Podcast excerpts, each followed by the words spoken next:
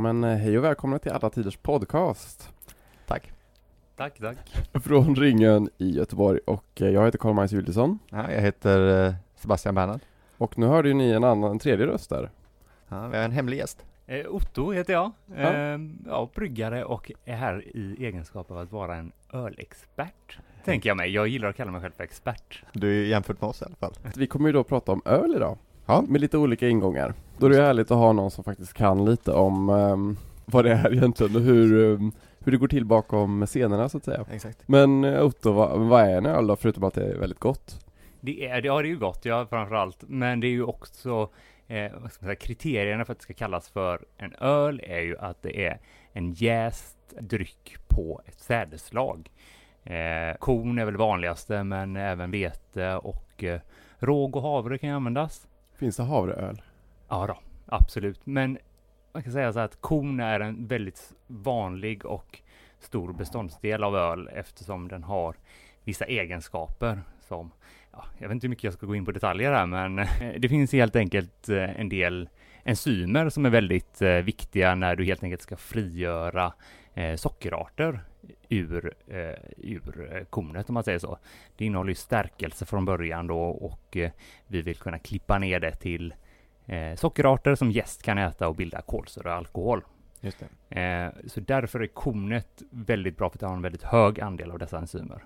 Eh, det har även vissa skal kan man säga på kornet som bidrar till en väldigt bra avsilning och separation av vätska och eh, och stärkelse om man säger så, eller av skal och sånt då. Så att eh, det inte blir som en havregrynsgröt, för det är ju svårt att dricka. Ja, det är det faktiskt. Du sa det inte, men jag, när du skulle förklara hur det blev öl av eh, jäst och eh, malt och, och liksom sädeslag så kokade jag ner till att det ungefär fungerar så att um, jästen äter sockret Mm, och sen precis. kissar den alkohol och pruttar kolsyra. precis. Har du kommit på det själv? Ja, det var en liksom parafrasering på Ottos eh, mer tekniska förklaring. Jag tyckte det var ganska bra förklaring. Men det är väl, vad kan man säga, en väldigt vanlig grej i de flesta vuxendrycker om man säger så. Det, är ju alltid, det finns ju alltid någon stärkelsegivande råvara. Eh, I vin eh, finns det ju liksom, eller stärkelse sockergivande råvara. I vin är det ju då druvans saft och i eh, eh, mjöd är det honungen och eh, ja, vad mer finns det för alkoholhaltiga drycker? Sake. Sake, ris, Sprit. potatis kan det vara i vodka. För att det ska vara öl så måste det vara ett sädeslag. Ja, men precis. precis. Nej, det är bra. Fantastisk uppfinning, men när, hur länge har man druckit öl då? Ja, jag försökte gräva lite i det. Ehm, Och den äldsta ölen man har hittat är ungefär 7000 år gammal. Oj. Eh, Spår man hittat då, man har inte hittat en faktisk dryck. Det var faktiskt i Iran man har hittat den äldsta. Men man har hittat ungefär lika gamla i Kina, verkar det som. Eh, Men alltså, antagligen har ju öl producerats mycket längre, såklart, än det här. Börjar ju någon gång i det som kallas neolitisk tid, i tekniska termer, alltså sen stenålder. Man, man tänker oftast att stenåldern är liksom jägare som springer runt med ett spjut. Men, i den, men så är stenåldern är ju väldigt lång. Och i den sena stenåldern så är man ju liksom bosatt jordbruksbefolkning. Och där det finns jordbruk, där finns det ju öl. Man pratar ju om att eh, människan som nomadfolk slog sig ner och började med jordbruk för typ 10 000 år sedan. Ja, Jag vet inte om det är du som har sagt det eller om jag har hört någon annanstans att anledningen att de började med jordbruk var att brygga öl. Inte som man tänker att göra spannmål och typ för mat, utan, Mm. utan anledningen var att göra öl. Ja, men jag har hört eh, precis detsamma, att eh, ma- man eh, ja, helt enkelt handlar om, eh, om ölet och inte om brödet som man Mm. kanske kan lätt tro liksom. Ja men eller hur, att, så här, att man tror att ja, men brödet var det första som skapade civilisationer och det var därför man började med jordbruk. Men egentligen var det, var det biran man ville ha. Eller hur? Ja men det finns, det är en rådande teori för tillfället. Mm. Sånt där vet man ju inte, men ölet är ju så pass gammalt att det finns inget som säger att bröd skulle ha tillkommit senare. Till och med är ju eh, brödet... Tidigare menar du? Ja, precis. Till och med så är det så att brödet i vissa kulturområden dök upp ganska sent. I Skandinavien började man inte äta bröd förrän tidigast tror jag 200-talet före Kristus. Jaha. Och romarna åt, inget, åt antagligen inte bröd under sin tidiga historia, utan gröt. Och det är ingen baguette? Nej, Ja, de Visst, det jäst, jäst bröden är, är också en, en ännu senare påkomst. Associerat framförallt med Egypten under antiktid, men grekerna jäste helst inte sitt bröd. Så ölet var först med råge. Exakt, Verkligen. exakt. Vet du fan. Vet du fan. Vi ser hur många eh, sädeslagsrelaterade ordvitsar kommer. Eh, kan vi inte säga som hundar också att de får korn på saker? Jo, man kan få något, en detektiv kan också få något på kon. Ja precis. Ja. Då är det bara havre kvar. Ja, exakt. Den kommer, Det kommer. ge mig lite tid Ja, bara. Absolut. Sitt och fundera på det medan jag drar lite backstory här till öl. Ja men som sagt, um, även om ölet då vi hittat det äldsta i Iran så, så var det ju kring Eufrat och Tigris där ölet verkligen kom till sitt rätta. Det Kan man säga. Alltså det är de tidigaste civilisationerna ju. Eh, I eh, Mesopotamien. För att det här var ju då jordbrukscivilisationer uh, kring floder som odlade sädeslag. Precis som i Egypten och precis som i Egypten så gjorde man ju helst öl av det. Och bröd. Men mycket, mycket öl. Uh, och den äldsta av de här civilisationerna, sumererna, hade ju till och med en gudinna för öl. Jaså? Jag vet inte om, eh, Otto du kanske har hört talas om henne, för det finns ett bryggeri upp, Ja, vad, vad, eh, döpt efter henne också. nej, vad, vad heter hon? Hon heter Ninkasi. Ninkasi? Nej, inte hört talas om varken bryggeriet eller gudinnan. Ja, okej. Va, vad håller bryggeriet till? I USA någonstans, Okej. men jag vet inte mer än det. Är inte Gambrinus någon form av ölgud Jo, också? det Jo. är det va? Det är det ju. Mm. Eh, centraleuropeisk va? Ah. Alltså hon var egentligen, ska man säga, gudinna över att släcka törst och tillfredsställa begär. Men eh, hon, till det här så kommer då myten om att hon uppfann ölet och började brygga ölet för att eh, ge det som en gåva till människorna. För just de här sakerna. Och till henne finns det en av de äldsta texterna bevarade, eh, vilken är en hymn då, en religiös sång. Som förklarar hur man brygger öl. Så texten är ett recept på öl. Okej, ska jag komma nu och då kolla som bryggare om det här är eh, rätt? Ja, okej, Då helt enkelt. gärna- Ja, precis. Den här är från ungefär ett, eh, 1800 före Kristus. Oj. Och jag har inte, jag har inte skrivit upp själv texten, men det, man ska göra ungefär så här, är vad jag fick ut av det. Eh, först ska man baka ett bröd av korn. Sen ska man blanda brödet med någon form av jäsande sörja, alltså vatten som man har fått någon sorts surdeg av. Sen blandar man även i druvor, honung och kryddor. Eh, och sen eh, eh, lägger man det på jäsning helt enkelt. Ja. Det låter det som att det, ja, det blir absolut en dryck, tänker jag mig. Lät det gott då? Druvor, honung är ju en jättebra alltså socker, sockerbas liksom för att få, få igång jäsningen. Ja. Och druvor har ju, förutom då den här, vad, sa du, jästsörjan Ja, som som, man en, som en tillsätter. surdeg. Som en surdeg. Så eh, tänker mig att druvor faktiskt har ju på sina skal ganska mycket jäst som finns naturligt där. Okej. Eh, och, eh, eh, och det är mycket frukt har ju det liksom. Om du har fallfrukt i trädgården så börjar jag äta det sen. Emil har ju alla sett när Just han blir full liksom på körsbär. Ja, precis. Eh, så att eh, jäst älskar ju socker liksom. Och Mm. jäst finns överallt. Eh, vi har, eh, just nu har vi massa jäst i vårat hår, i vårat ansikte liksom bara Mm. efter promenaden hit. Shit. Eh, men den här jästsörjan drar nog igång, drar nog igång jäsningen betydligt mycket snabbare. Eh, och jag kan då tänka mig att den huvudsakliga stärkelseråvaran då är helt enkelt brödet.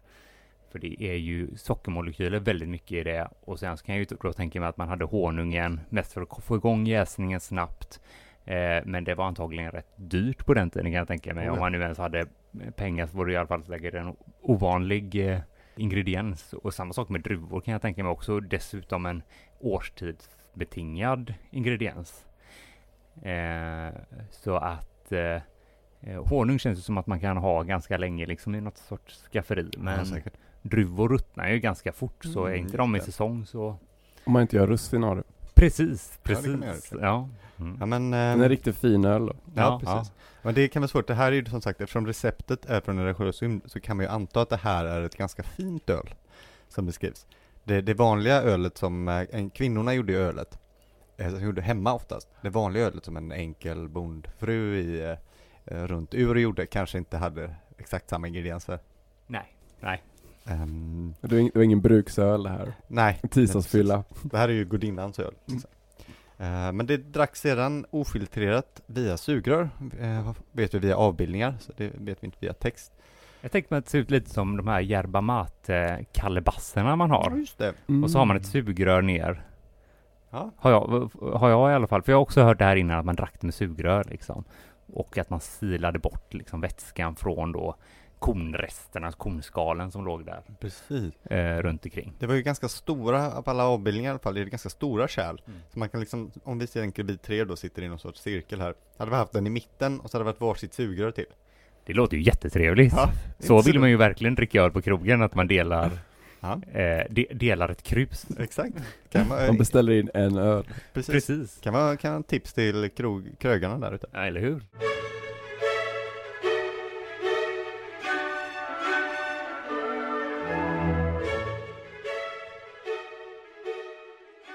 Um, men också sådär, för sumererna var ölet uh, inte bara en god dryck utan det främsta tecknet på civilisation. Faktiskt. Att man bodde i ett organiserat samhälle och inte som en vilde. Eller en barbar. Och detta märks allra främst kanske i Gilgamesh-eposet. Som ju då är en av de äldsta bevarade litterära texterna som finns. Från ungefär samtidigt som Ninkasi-hymnen, så 1800 f.Kr. Och ehm, den de, det här är den äldsta bevarade texten man har. Man förmodar ju att e-, eposet kanske är ännu äldre. För den som inte kan berättelsen lite kort så handlar den om eh, Gilgamesh. Helt enkelt. Han är kung av eh, en stad som heter Uruk. Och eh, han har nog funnits på riktigt faktiskt.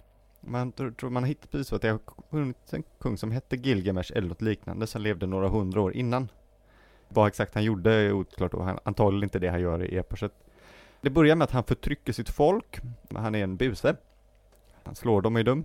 Så därför skapar gudarna ett straff till honom som är Enkidu, en vild man som lever ut, utanför staden som sprider skräck i Gilgamesh land.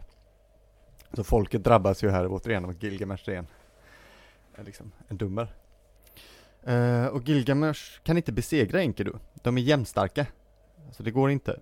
Då kommer han på en annat plan. Han skickar en kvinna som heter Shamat. Och hon är en tempelprostituerad. Det här var vanligt eh, i Mesopotamien att eh, prästinnorna också var prostituerade. Oj. Låter lite konstigt i... Eh, det är inte det vanligaste sättet, men det fanns exempel på det i Grekland också, i Korint och sådär. Eh, hon går ut till Enkidu, har sex med honom och bjuder honom på öl. Och på det sättet så lär han sig om civilisationen. Att man får betala priset för att ge upp sitt fria vilda liv har ett, en belöning, vilket ju då är samlag och öl. ja, inte så dumt. Eh, och han blir sen Gilgameshs kompis och vapendragare. Eh, tillsammans har de massa äventyr som då eh, eposet förtäljer tills Enkidu dör också som ett straff för att eh, han och Gilgamesh har mördat monstret Humbaba som bor i cederskogen. Och Gilgamesh han blir jätteledsen och ger sig ut på jakt efter då odödligheten. Börjar bli odödlig. Så träffar han den odödliga mannen Utnapishtim. Men han, han är den enda mannen som får bli odödlig därför att han har överlevt syndafloden.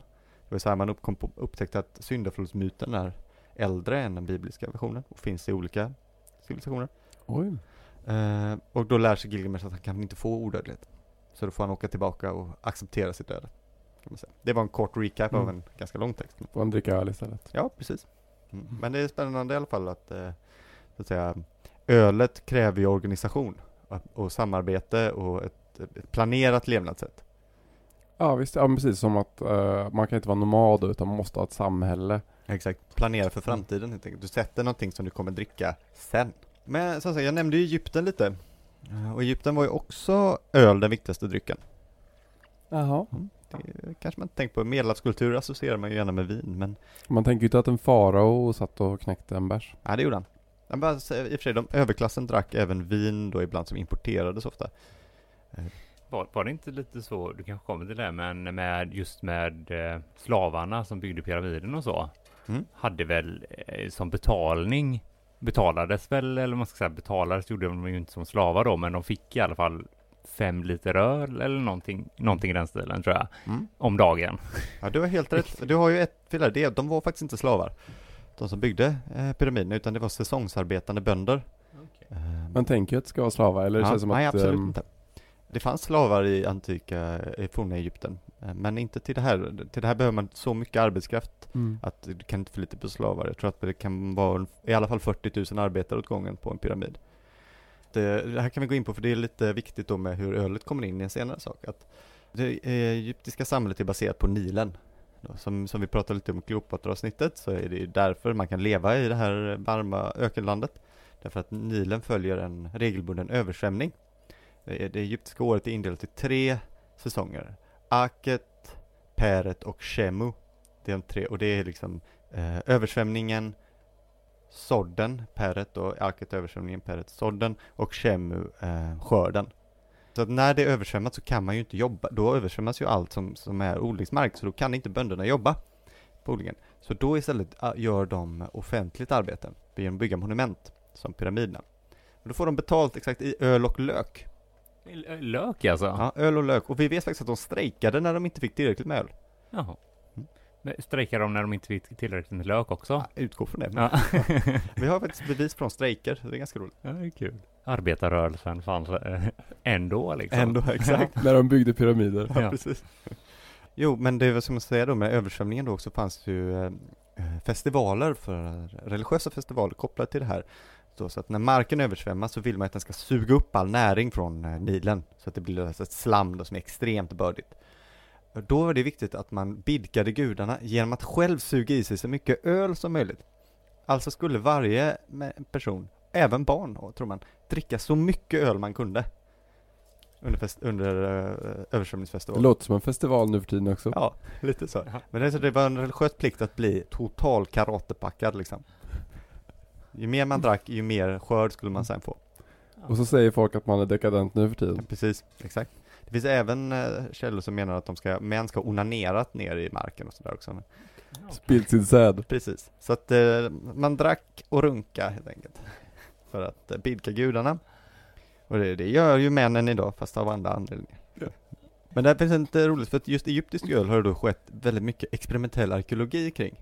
Experimentell arkeologi är då istället för att gräva upp någonting, så försöker man återskapa ett fenomen för att eh, därigenom se vad som är praktiskt och inte, enligt teorin. Om det inte funkar så är det osannolikt att någon gjorde så. Om vi har en teori om hur vikingarna byggde hus, till exempel, så prövar vi att bygga ett hus enligt den modellen. Visar det sig inte vara så bra, så är det kanske mer osannolikt att de gjorde på det sättet. Och det här har man ändå eh, gjort med egyptiskt öl. Och det, det är ganska spännande tyckte jag, för att man fick inte det man förväntade sig. Eh, forskarna trodde att man skulle få en ganska äcklig, alkoholsvag och väldigt sörjig dryck. Men all, varje gång får man en ganska god, de beskriver det som ganska god. Den är hyfsat filtrerad och ganska stark. De, de hade svårt att hålla den under 5% eh, ABV, faktiskt. Är det ett tecken på vår tids fördomar om förr i tiden? Att Kanske. eh, de kan väl inte ha druckit stark och god öl? Nej. Det måste vara äcklig och svag, för så måste det ha varit förr i tiden. Exakt. Det är också lite baserat då på de mängder vi vet att de drack. Så att om, om, arbetaren på pyramiden drack 5 liter om dagen, så kan man ju fråga sig hur stark kan den ölen ha varit? När man pratar typ om svensk eh, kungatid och Just sånt det. där, de drack ju öl hela tiden, men det var väl för att det, vattnet inte var bra. Nej, precis. Mm. Och då drack väl de ett ganska svagt öl, som folköl väl? Ja, det fanns olika även då. Men alltså Johan tredje och Gustav Vasa, Mm. de där liksom. Och jag tänker mig, har inte många av de här kulturerna med eh, att man ofta spädde ut med vatten Ja, eh, sina Jo, sina grekerna drycker gjorde ju det till exempel, och romarna. och Mm. sånt, va? Precis. Ja, det är möjligt, men vi vet ju inte riktigt. Men det är därför bland annat man antar att det måste vara ett alkoholsvagt öl. Men det är i alla fall kul att veta tycker jag att eh, egyptierna fick ändå en god dryck. Det var Absolut. skönt. Det behöver man om man ska bygga pyramiderna. Ja. Ja, precis. Det, det Och kanske är också hemligheten. motiverar en att eh, avstå det fria vilda livet så måste man ju ha god öl. Exakt. Ja, ja. Jobbigt om det är Ja, det är pissig öl. äcklig öl liksom.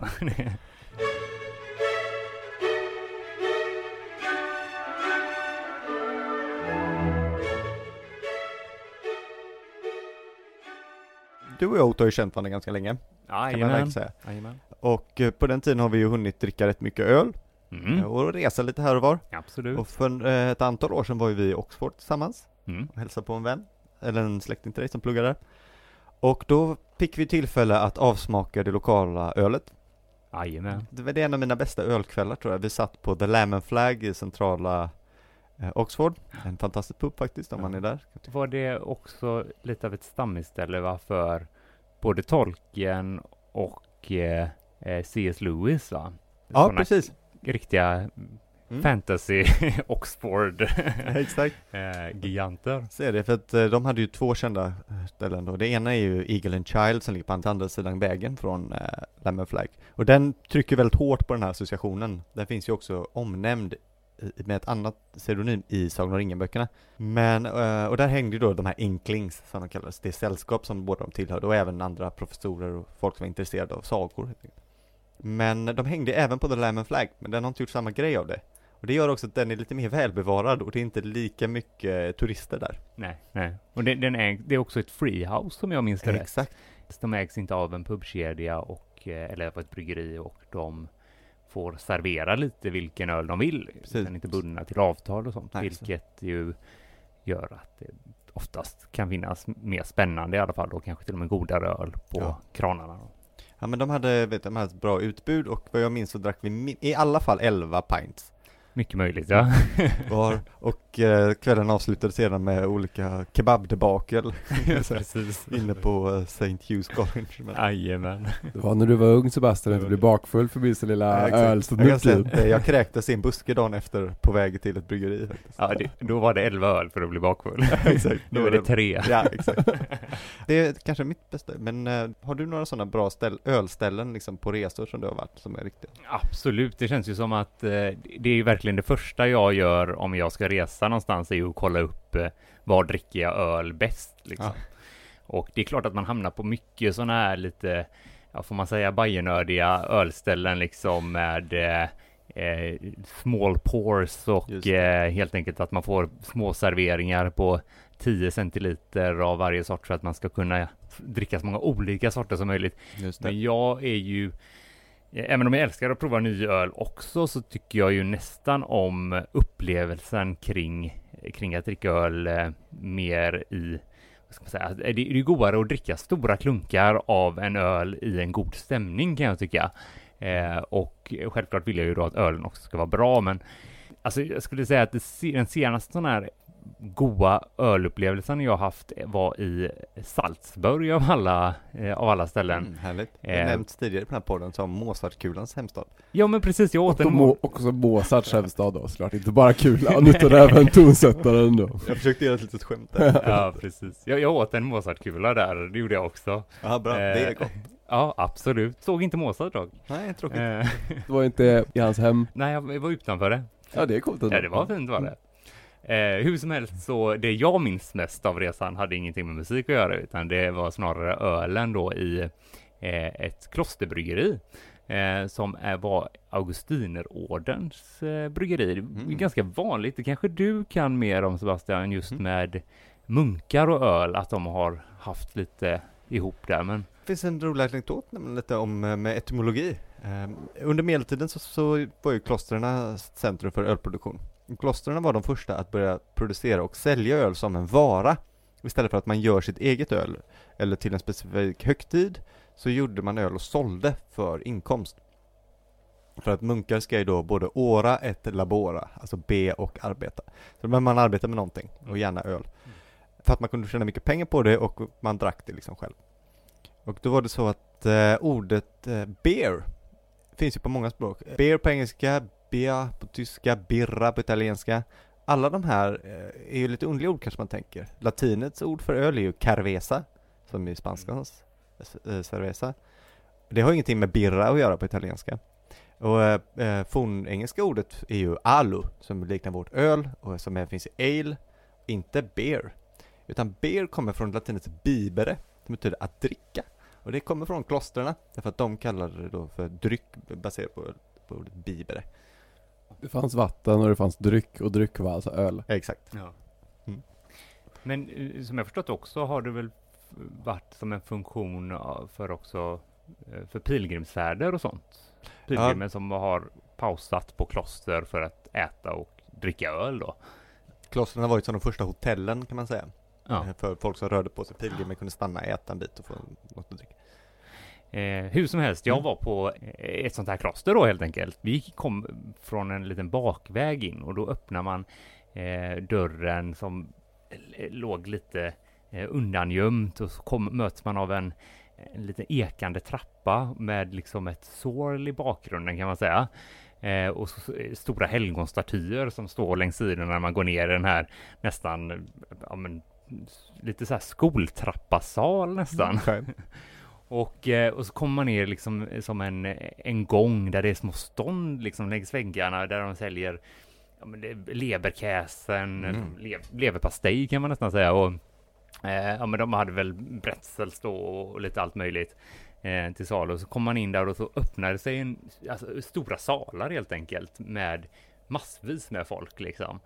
Eh, och eh, jättehäftigt att bara liksom att komma in från den här vägen och inte riktigt veta vad man förväntar sig eh, och, och se detta och sedan så då eh, ställer man sig i en kö och går fram till en liten kassa och så köper man och får en polett och sen ställer man sig i en kö och så tar man sitt krus ifrån en hylla liksom och då är det ju eh, två storlekar, stor och liten och det den lilla är ju på en halv liter och den stora är på en liter. Bra bort. Eh, precis. Ja. Eh, jag, jag tog den stora. Mm. Och sedan så går man bort eh, till en ganska stor kar med eh, en stor mage och förkläde som står vid en stor trätunna eh, på, ja men säkert 225 liter och eh, eh, häller eh, självrunnen då helt enkelt att man inte driver ut eh, ölen med gas utan verkligen klassisk stil. Man slår in en, en plugg liksom eh, och en tapp i, i fatet. Ungerspundet kallar tyskarna det och österrikarna då antar jag också. Eh, och eh, så får man sitt enliters krus där och det är så, sådana där ölupplevelser tycker jag är eh, när, när det inte bara handlar om drycken och smaken utan även stämningen runt omkring eh, är väl eh, eh, bland det bästa kan jag tycka. Ja, jag håller helt med. Det, det ska vara det ska vara något mer än bara en smaksensation. Mm.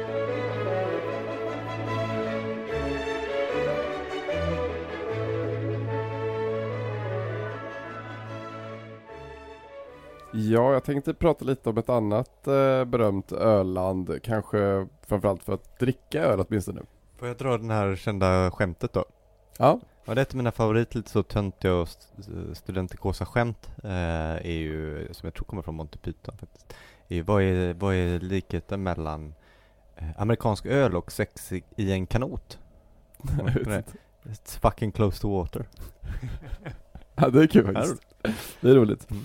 Och, eh, men det jag ska prata om då är, jag ska, jag ska måla upp lite av en historisk scen. Som då skildrar en av USAs kanske mest berömda författare någonsin. Mm. En romantisk, gotisk och lite kuslig författare. Vem kan det vara? Uppfinnaren av deckargenren, Edgar Allan Poe. Mm. Mm. Edgar Allan Poe föddes alltså 1809 i Boston och eh, hans eh, farfar David Poe Senior hade emigrerat från Dringtownland i en socken som heter Kildalan i County Cavan i Irland. Lite nordväst om Dublin vid gränsen till eh, Nordirland idag. Eh, någonstans runt år 1750. Men direkt efter att Edgar föddes lämnade han familjen. De hade ofta ont om pengar och han var ju även en ilsken irländsk alkoholist. Och skådespelare. Ja. Med scenskräck. Och eh, man tror att Edgar ska ha döpts efter Edgar i Kung Lear faktiskt. Jaha. Shakespeares pjäs då.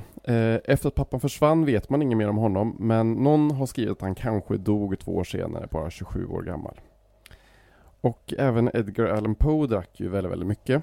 Han dog ju 1847, bara 40 år gammal. Och man vet inte riktigt varför. Hans storebror var redan död, även han alkoholist.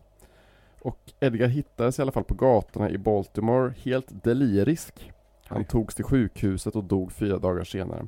Och han lyckas inte förklara själv vad det var som hade hänt. Eller varför han bar kläder som inte var hans. Nej, klassiskt så dagen efter eh, händelsen. Ja, och natten före han dog ska han om och om igen ha skrikit ut namnet Reynolds om och om igen. Ja, shit vilket mysterium. Så man vet verkligen inte varför han dog, men man brukar ta upp en blandning av sjukdom, kanske hjärtsjukdom, alkoholism, epilepsi, syfilis, kolera, rabies, droger, självmord eller kanske något ytterligare liksom. Ja. Alltså han dog som en Edgar Allan Poe-novell helt enkelt. Ja, perfekt. Alltså helt i enlighet med hans, eh, hans verk. Då undrar ni kanske varför jag berättar den här mystiska och sorgliga historien. Jo, för vi ska till året innan han dog, 1848, till en bar som heter Washington Tavern i Lowell, Massachusetts. Tyvärr inget att besöka idag, eftersom baren nu för tiden istället är Dunkin Donuts. Ah, gott också. Mm. Men på den här baren befann sig i alla fall Edgar Allan Poe 1848. Men han kunde inte betala sin nota. Nej. Och istället skrev han den här dikten som betalning. Man önskar att det gick idag. Eller hur? Det hade varit en fantastisk värld. Den här dikten heter då Lines on Ale Ah, okej. och lyder så här. Filled with mingled cream and amber, I will drain that glass again. Such hilarious visions clamber through the chamber of my brain. Quaintest thoughts, queerest fancies come to life and fade away. What care I how time advances? I am drinking ale today. Härligt. Ja. Och eh, jag har gjort en jättedålig eh, svensk översättning som rimmar typ ja, bra. Som låter så här då. Eh, det här är verkligen en kassöversättning, men fan. Eh, fyllt med grädde och bärnsten Mm. tömmer jag mitt glas igen. Jag älskar sådana nödrim. Vilka roliga syner som sig klamrar genom alla hjärnans kamrar. Konstiga tankar, märkliga syner kommer till liv och blir sen vaga. Vad bryr jag mig om hur tiden rinner? Jag dricker öl idag. Mm, bra. Och den här dikten Daga skulle du kunna. Ja precis, men det blev fel. Ja. Jag gillade beskrivningen väldigt mycket av grädde och bärnsten. Ser ju i mitt huvud ut- väldigt gott ut. Bärnsten är väl den vackraste färgen på öl. Oh ja. När den är klar och blank liksom så är det bärnsten och så då ett gräddigt skum på. Ja, visst. Jag funderade på om man skulle översätta det med grädde eller om det är liksom, jag vet inte, krema pratar man om när man pratar om Ja. kaffe ifall det är liksom Ja. snarare Kräm. skum. Ja, Ja, men ja. Ja, grädde skum. kanske är en dålig översättning egentligen. Nej men jag tyckte det var fint. Metaforisk. Mm. ja men absolut. Men den här dikten hängde faktiskt på väggen i den här baren då från 1848 och till och med 1920. Shit. Ja. Var är den idag? Har den eh, något museum kanske? Eller Bra bibliotek? Ja. Faktiskt. Vi kan informera lyssnarna om att vi också dricker öl medan vi spelar in det här. Vill du ha den här? Ja, det vill jag. Och eh, nu ska vi avsmaka en eh, cuvée de Jacobins, eller hur man, nu, hur man nu ser det. Så gott. Jag dricker Pripps. Så här kanske man kan tänka sig att en väldigt lyckad god, eller väldigt lyckad gammal öl smakade förr i tiden. Mm, mm, mm. Och får jag också en liten, liten sluffe då så jag får känna på det? Ska jag fortsätta eller? Ja. Ja, men Otto som du sa, det här lät ju väldans gott. Och då undrar man ju snart, vad var det för öl han drack den här dagen 1848 i Massachusetts? Ja. Och eh, då har jag på en hemsida som heter Great Fermentations hittat lite amerikansk öl och bryggerihistoria. Eh, tycker du om amerikansk öl överlag Otto? Absolut. Det, jag tycker att eh, den är ju väldigt mycket i ropet just nu. Eh, sedan så har ju självklart amerikansk öl haft eh, väldigt många olika smaker. Men... Eh, eh, Ja. nu, nu, Det här var så jag gott. klippa där. Det var så gott. Det här ölen var så Ja, det- det himla var god. Det var jättegod. Svingod faktiskt. Det var typ Ja. det godaste öl jag druckit. Ja. Jättegod. Mums, mums, Vad är det, mums. hur stark är den här? Den är ju livsfarligt. Fem och en halv är den. Ja men det här, det här, hur, det, finns den här på Systembolaget? Ja. Ja men det här ska vi, kö- det här ska vi köpa igen. Jag kommer bara dricka det här nu. Det är gott det är det. Skitgott. Nu, nu tappar jag spå- spåret helt och hållet här. Amerikansk öl är i ropet. Ja Ja. just det. Precis, amerikansk öl är ju väldigt mycket i ropet just nu och det är väl framförallt på grund av eh, humlen som odlas i USA. Att de har ju väldigt bra jordmån och soltimmar för att få fram riktigt fruktiga humlesorter. Mhm. Och det tycker ju många är jättefräckt just nu. Just det. Ah, ja, ja. Ja man tänker ju på craft beers tänker man ju på Mm. USA. Absolut. Men det är ju ganska nytt det där, för det är, Mm. USAs ölhistoria har ju gått igenom ganska många olika förändringar. Ja man tänker ju det skämtet jag drog då tänker man kanske på Coors Light eller Budweiser. Mm. Miller Lite. Miller Light. The champagne of beers. Precis. det är det Ja, verkligen. Det är det deras är det. eh, slogan nu. Det är det. Den kommer jag ihåg eh, drack man mycket på gymnasiet för att det var den första ölen jag drack man kunde skruva av en kapsyl. Vilket ju är Ah. vanligt i Ja, amerikanska ja, flaskor, att det, är- det. det är kapsyl Ja. men den är skruvbar. Ah. Jag skulle säga att Kölsch är the, eh, vad ska man säga, champagne, nej eller suröl kanske. Mm. Men det är ju det är Eh. de som säger att det är det. Jag, jag vet inte om det är om Ja. alla är överens om det, utan det är ett smeknamn som bara Ja, de har. om sig själva. Just Det kanske är för att den är gyllene då liksom och eh, Jag tror det är bra, bra sales pitch. Absolut. Ja. Absolut. Men man tänker kanske att, eh, ja men eh, öl är väl någonting som européerna tog till USA, tänker man ju. Men redan på 1500-talet ska faktiskt ursprungsbefolkningen i Amerika ha bryggt öl på majs. Mhm. Jag vet inte hur gott eh, det kan vara, men eh, Ja, nej. nej, det går. det finns alltid någonting kul att upptäcka. Vi får se. Jaha. Och eh, det här spred sig faktiskt lite till de första kolonisatörerna då. Men det skulle dröja till 1612 då två holländare, Adrian Brock och Hans Christiansen, öppnade det första bryggeriet i den nya världen Mhm. på den södra udden av New Amsterdam, Ja, ja. det vill säga Manhattan, New York. Sen lå- låter ju Hans Christiansen lite mer danskt än holländskt, men det stod att det var holländare i alla fall. Ja, det är något skumt där. Men de gillade ju öl, engelsmännen. En lite rolig kuriosa. Det är ju högtiden Thanksgiving, som du känner till. Just det. Mm. Som ju firas när, alltså firas till åminnelse av när pilgrimerna på båten Mayflower stannar vid Plymouth Rock i Massachusetts och har den andra berömda middagen 1621 med indianerna. Men egentligen var ju båten på väg till Virginia Mhm. och att den stannade i Massachusetts var för att det hade slut på öl. Åh nej. Mm. Jag tänker att pilgrimerna var så puritanska, men Nej, nej, nej. Och inte. eh, det finns då eh, bevarat att en pa- passagerare har skrivit sin dagbok i december 1620. We could not now take time for further search or consideration, our victuals being much spent, especially our beer. Mm. Så det var därför de stannade där. Ja, jag förstår. Mm, för de skulle egentligen Tänk Virginia. att eh, amerikanska grundberättelsen Mm. liksom är påverkad av att de hade slut på öl. Ja, det är fantastiskt. Ja, verkligen. Jag tror nog många be- beslut, eh, alltså viktiga saker i historien har hänt på grund av att folk ska fylla på ölförrådet. Säkert. Men mer än vad man tror tydligen. Ja. Ja. Bara nu har vi ju liksom grunden till eh, mänsklighetens civilisation och eh, till en av USAs mest livaktiga högtider. Allt har bara med öl att göra. ja, exakt. Men den mer moderna ölkulturen i USA börjar 200 år senare, 1810. Trots att det faktiskt inte dricks särskilt mycket öl alls vid den här tiden. Nej. 1810, det finns 132 bryggerier. Och per capita dricker man ungefär en gallon om året. Alltså lite mindre än 4 liter. Ja, det är inte mycket. Nej. På ett helt år. Vad drack man? Var det för att man drack gin mycket på den tiden eller? Jag vet inte, kanske. Det var ju, det var ju lite efter men the gin craze i England och sådär. Då köpte man ju gin per pint. Oj. Så kan ju tänka dig vad som hände då. Shit, det något som en explosion in the head. Ja. Mm. Man kan kolla in Hogarth-tavlan någon gång och så kan man få en känsla för vad som kan ha hänt. De är roliga faktiskt. Mm. Hogarth, eh, det borde vi lägga upp lite bilder på. De Ja, är faktiskt väldigt det härliga.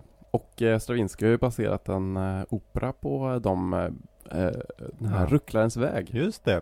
Mm, de är fina, de har jag sett Det är ju faktiskt. baserat på eh, Hogarths Mm. målningar. Men vid den här tiden då Edgar Allan Poe dricker detta öl då, året innan han dör. Just vid den tiden, 1848, började det komma en massa tyskar till USA på Mm. flykt från tysk-danska kriget. Aj, aj, aj. Ja.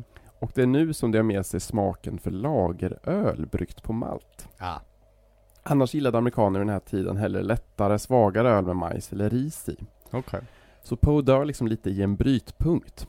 Så att antingen drack han väl jättemycket svag öl med majs i, importerad engelsk ale, eller en maltigare tysk lager. Ja, det här är en bra, bra fråga det. Så att, eh, vem vet, vem vet. Mm.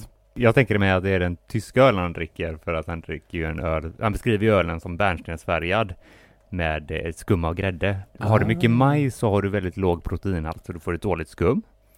Och har du eh, eh, ma- malt då också, eh, beroende på rostningsgraden eh, eller upphettningsgraden, så har du ju helt enkelt en mörkare färg. Har du mycket majs och ris i, då blir det ju en väldigt ljus öl. Eh, så att jag, jag gissar på den tyska lagen. Vet du vad, det är så himla bra att du är här. och- Eller hur? Eller hur? Så har vi löst en av litteraturhistoriens Eller gåtor. Ja, verkligen. Knäckte ett historiskt mysterium Ja, här Ja, alltså. Det är inte var varje dag. Fantastiskt. Men då var han alltså ganska modern för sin tid då. Antagligen ja. Det var därför han kanske drack alldeles för mycket då, att han hade svårt att liksom Just veta det. hur han skulle liksom Hur mycket kan jag dricka egentligen? Hur mycket tål jag? Mm. Nej, precis. Sedan så kan det ju också vara så att han drack någon helt annan öl för att även om det var det vanligaste att dricka den sortens öl som i Sverige idag så är ju kanske den vanligaste en ljuslager internationell stil. Eh, så finns det ju folk som kanske dricker stout och porter också. Ja, ja, ja, ja. ja, ja, ja. Ja, Jag tänker med, med irländska rötter så kanske det var en Irish Red Ale han drack. Just Kan det vara så? Mm, ja det kan det väl vara. Bärnstensfärgad. Mm. Ja. Det är någonting för, eh, för forskarna ute att ta reda på. Eller hur?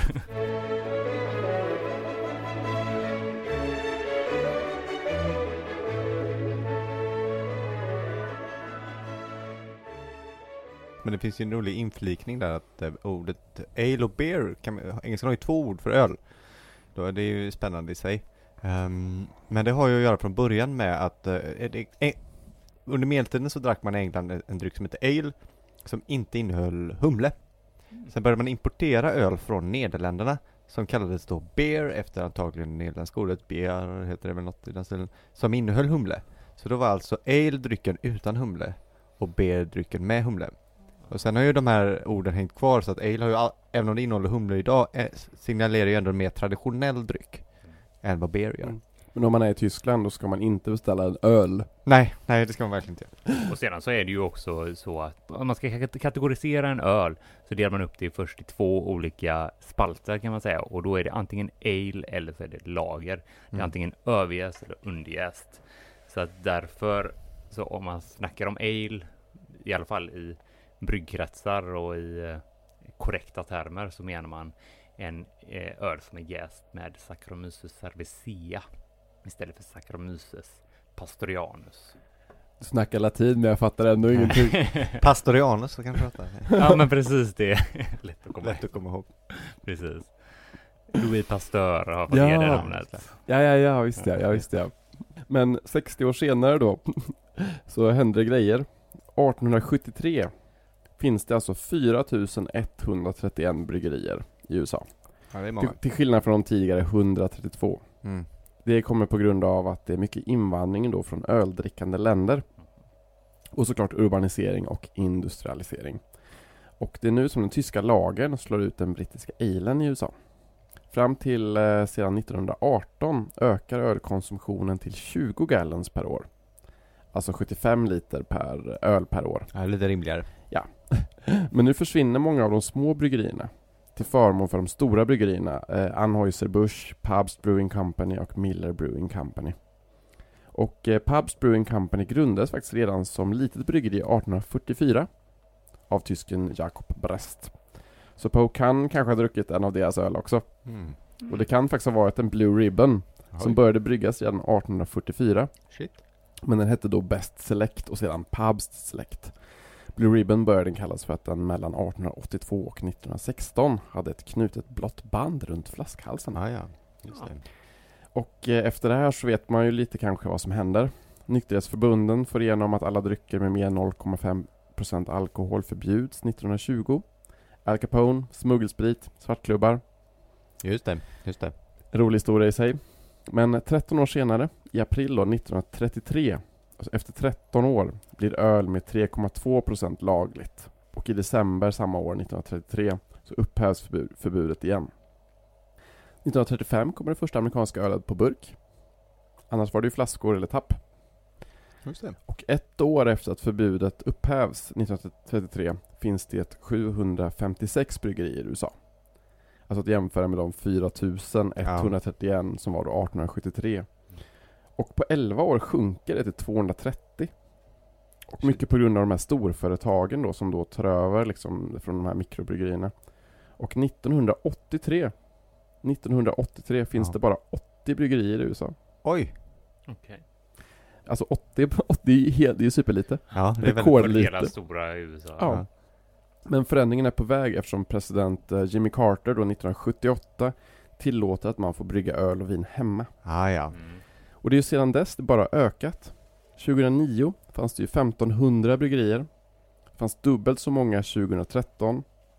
2015 fanns det 4144 bryggerier i USA. Så 2015 slog de alltså rekordet från 1873. Och då får man också räkna med en rejäl folkökning däremellan. Ja, jo Mm. verkligen. Ja. Och idag är det väl tror jag uppåt 7000 bryggerier i USA. ja. Tack vare den här nya trenden då som vi Just det. ser. Liksom. Mm. 7000 bryggerier nu för tiden. Ja. Ja. Frågan är hur många bryggerier det finns i Sverige idag jämfört med Sverige. 1983. Ja, i Sverige är vi ju idag på eh, alltså runt 300, kan det vara typ 350 bryggerier eller någonting sånt? Okej. Vilket ju är eh, alltså det är ju ganska mycket eh, för, med tanke på att det är, vad är vi, 10 miljoner Ja. eh, i vårt land här. Det var inte många år sedan eh, som det egentligen var liksom Prips punkt. Eh, Spendrups fanns väl också. Eh, och eh, jag vet inte riktigt om Carlsberg i Sverige var etablerat ändå, men det var ju sedan så nu finns ju inte Pripps kvar längre. Nu är Nej. det bara ett varumärke uppköpt av Carlsberg i Sverige och många utav eh, de bryggerierna som man tror sig se där ute i eh, i Sverige och såg sig där ute i Sverige var ju eh, också varumärken som köptes upp på 50-talet av eh, av de stora bryggerierna. Mellerud tänker man ju sig ligger i Mellerud, men det produceras i Grängesberg utanför Ludvika och Spendrups. Samma sak med Norrlands guld. Det, det har inte så mycket med Norrland att göra. Vad säger du? Jag, jag, Ja. jag tänker att det är byggt på forsarnas brus liksom. Ja, man tänker sig det, men det kanske... Alltså Dalarna är ganska långt norrut som Ja. man nu... Som, som göteborgare så tycker man att det är långt norrut. Ja, jag tycker att allt det är ju- Norrland. Jag, jag trodde ju faktiskt att Gävle låg i Norrland fram tills ett par månader sedan. Så att Ja, ja. man, har, man har klara bildningsluckor Ja. här, alltså. Så att det finns ju tyvärr så har- är ju eh, Eh, det många stora ölmärken koncentrerade till några få bryggerier. Eh, men det börjar ju och har de senaste åren poppat upp väldigt många småbryggerier i, eh, i Sverige också.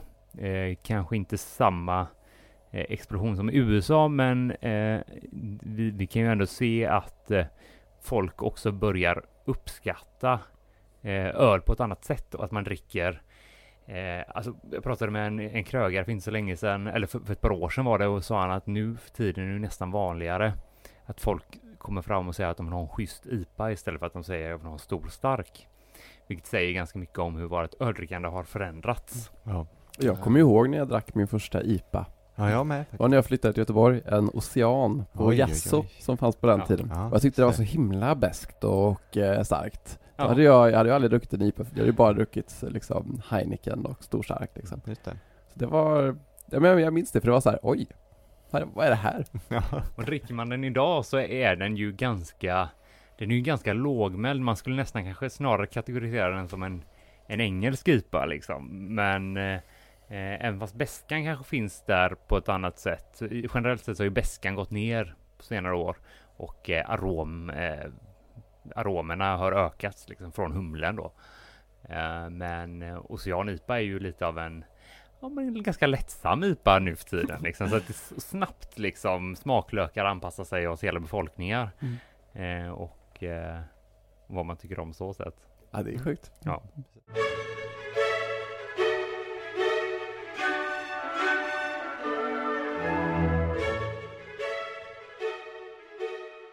Tänkte vi ska avsluta med lite humor och dikter. Ja. Eh, vi nämnde ju innan att Edgar Allan Poe var- av irländskt påbrå.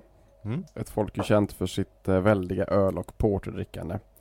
Så då passar det väl att läsa en ordvits av irländaren Samuel Beckett. Ja, snyggt. En vits som jag brukar dra, så Sebastian har säkert hört den här innan. Mhm. Den finns både i hans roman Murphy och i novellen Echoes Bones. Jag tyckte den var så bra att han återanvände den. Verkligen, den, måste, den är så mycket gillar han den. Och den går så här då. Eh, Why did the barmaid champagne? Because the stout porter bitter. Mm. Ja. Jag ska översätta det då. Alltså varför, alltså det är, det är alltså både varför låtsades servitösen då ha smärta? Ja. Alltså champagne, alltså låtsas smärta. Men också varför gjorde baren champagne? Why did the barmaid champagne? För att den stolta eh, portvakten bet henne, alltså stout porter bitter. Ah. Skitkul. Ja, det var inte dumt. Men det är inte Beck vi ska prata om nu, utan författaren, dramatikern och poeten William Butler Yeats. Oj då. Som föddes lite mindre än 60 år efter Poe, alltså Ja. 1865. Och som fick Nobelpriset 1923. Eh, lite av ett politiskt ställningstagande eftersom Irland också just hade blivit självständigt. Mm. Eh, han skrev en form av symbolistisk poesi med mycket inspiration från irländska folksagor och mytologi i traditionella former. Mm. Ingen frivers här. Men han har också skrivit som den irländare han var massor om att dricka öl. Ja. Han ska också ha sagt att problemet med vissa är att när de inte är fulla är de nyktra. Mhm. Det är sant faktiskt. Det är kul. Eh, det här kommer från en dikt som heter The Hour Before Dawn. Den börjar då så här. ehm, A great lad with beery face had tucked himself away beside a ladle and a tube of beer and snored no phantom by his look. Alltså en man med öligt ansikte Mm. har alltså bäddat ner sig vid en skopa och en öltunna och börjat fridfullt att snarka. Men han lyckas ändå inte sova jättebra och börjar undra om ett spöke håller på att hålla honom vaken. But let him keep his grave for one that I may find the sleep I have lost. Och det är ett spöke, Nej. men han vill inte kallas så. I'll have no man call me Ghost. Och eh, han var mitt uppe i att dricka från den sovande mannens skopa öl. Oh. Men innan han får vill sovaren då veta om spöket uppskattar öl. Eftersom han själv har rullat den här tunnan från en bergstopp hit. Okej. Och säger då I'll have assurance that you are able to value beer. No half-legged fool shall dip his ladle merely for stumbling on his hole in the bad hour before dawn. Och spöket svarar Why beer is only beer. Jaha. Öl är bara öl. Uh, ja, nej. Så han tänkte dricka det ändå. Ja. Men han kan också prisa nykterheten. Den här kommer från en dikt som heter A Drunken Man's Praise of Sobriety. Mm. Och som faktiskt Elvis Costello har sjungit. Oj då, Mm. det var konstigt. Den börjar så här då. Eh, Come swish around my pretty punk and keep me dancing still. That I may stay a sober man although I drink my fill. Eh, Att dansa blir då både ett substitut och en metafor för att dricka. Sen kommer då prisandet av nykterheten. Sobriety is a jewel that I do much adore and therefore keep me dancing though drunkards lie and snore. Mhm. Så under varje dansare ligger en död man i sin grav. Men han ber sin danspartner att dansa försiktigt, akta sina steg och inget upp och ner. För nu dansar de som vågorna och hon är inte längre en punk utan en mermaid, en sjöjungfru. För a drunkard is a dead man and all dead men are drunk.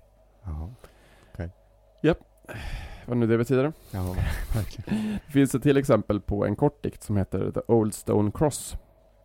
Som börjar eh, A statesman is an easy man. He tells his lies by rote. A journalist invents his lies and rams them down your throat. So stay at home and drink your beer and let the neighbors vote. Said the man in the golden breastplates under the old stone cross. Alltså lite nästan Trumpsk dikt. En statsman är en enkel man och utan till drar han sin vals. En journalist uppfinner sina och trycker dem ner din hals. Stanna hemma och drick din öl och rösta inte alls. Som mannen i den gyllene bröstplattan under det gamla stegkorset. Mm. Hörde ni att jag rimmar i den översättningen Nej. också? Ja, snyggt. Ja, Den här, den här tycker jag du ska ge ut. Ja. ja men ehm, det var det jag hade om eh, irländska öldikter. Ja, bra. Irländska öl, det är väl gott? Verkligen. Ja, det är ju den, den ölen man förknippar mest med eh, eh, Irland är ju självklart Guinness då, stouten. Just det. Eh, och eh, en liten rolig grej med den är ju att eh, folk får, får ju för sig väldigt mycket att Guinness, det är alltså man blir så mätt på den. Det är en hel måltid Ja, att klämma hört det i sig en Guinness. Flytande bröd säger folk. Ja men precis. Och sedan så när man väl, en sak som jag egentligen inte förstår för att jag- tycker att den är, den är så himla lättdrucken ja, alltså. En, Det är en hinkar. Ja, verkligen. Och det, det är ju, sedan så är det ju en sak som gör, eh, ger den så mycket fyllighet och det är ju kvävgas, att den serveras med kvävgas istället för koldioxid. Som kolsyra snackar man ju dagligt tal om, eh, det finns i öl, men den största andelen av bubblorna i öl är ju koldioxid liksom. Eh, CO2. Eh, det är inte så jättemycket bundet som kolsyra. Eh, utan, men då har man istället i Guinnessen kört med kvävgas, vilket är väldigt mycket mindre bubblor. Eh, väldigt mycket svår, mer svårlösta bubblor. Eh, som gör att den upplevs väldigt krämig och tjock. Mm. Men också samtidigt som att det inte finns några stora bubblor som du måste pausa och rapa upp hela tiden. Så Just därför det. är det ju ganska enkelt att med en, den, 4,2 procent en Guinness eh, och eh, den är ganska torr, en torr stout så att det finns mycket socker och så små fina bubblor. Det är ju otroligt enkelt att bara vända pintglaset upp och ner så är den borta på eh, två minuter. Ja. Kan avsluta det lite med, jag hade en, eh, jag har, jag har jobbat på en pub i, i London under några år. Och där hade jag en stammis, han kom alltid in efter jobbet. Och då beställde han två Guinness. Den första drack han i en, ett svep. Och sen den andra njöt han av. Och sen gick han hem. En livsnjutare. Mm. Ja, Det är, också, det är väl också du som har berättat det för mig att eh, man tänker att Guinness är den ultimata irländska ölen. Just det. Katolska Irland. Men egentligen är den då gjord av eh, engelska protestanter. Ja, eller anglo-irländare. Guinness-familjen har- hade sitt stora lantel utanför London faktiskt. Och fram tills eh, i alla fall självständigheten och nog längre så fick inte katoliker jobba på Guinnessbryggeriet faktiskt. Det Inte ens vara gift med en katolik. Går ju lite emot ehm, bilden av som den irländska ölen. Ja, det kanske inte det St. Patrick skulle häva i sig. Nej. Vad, dricker St. Patrick? Ja, Murphys kanske. Mur Murphys, ja.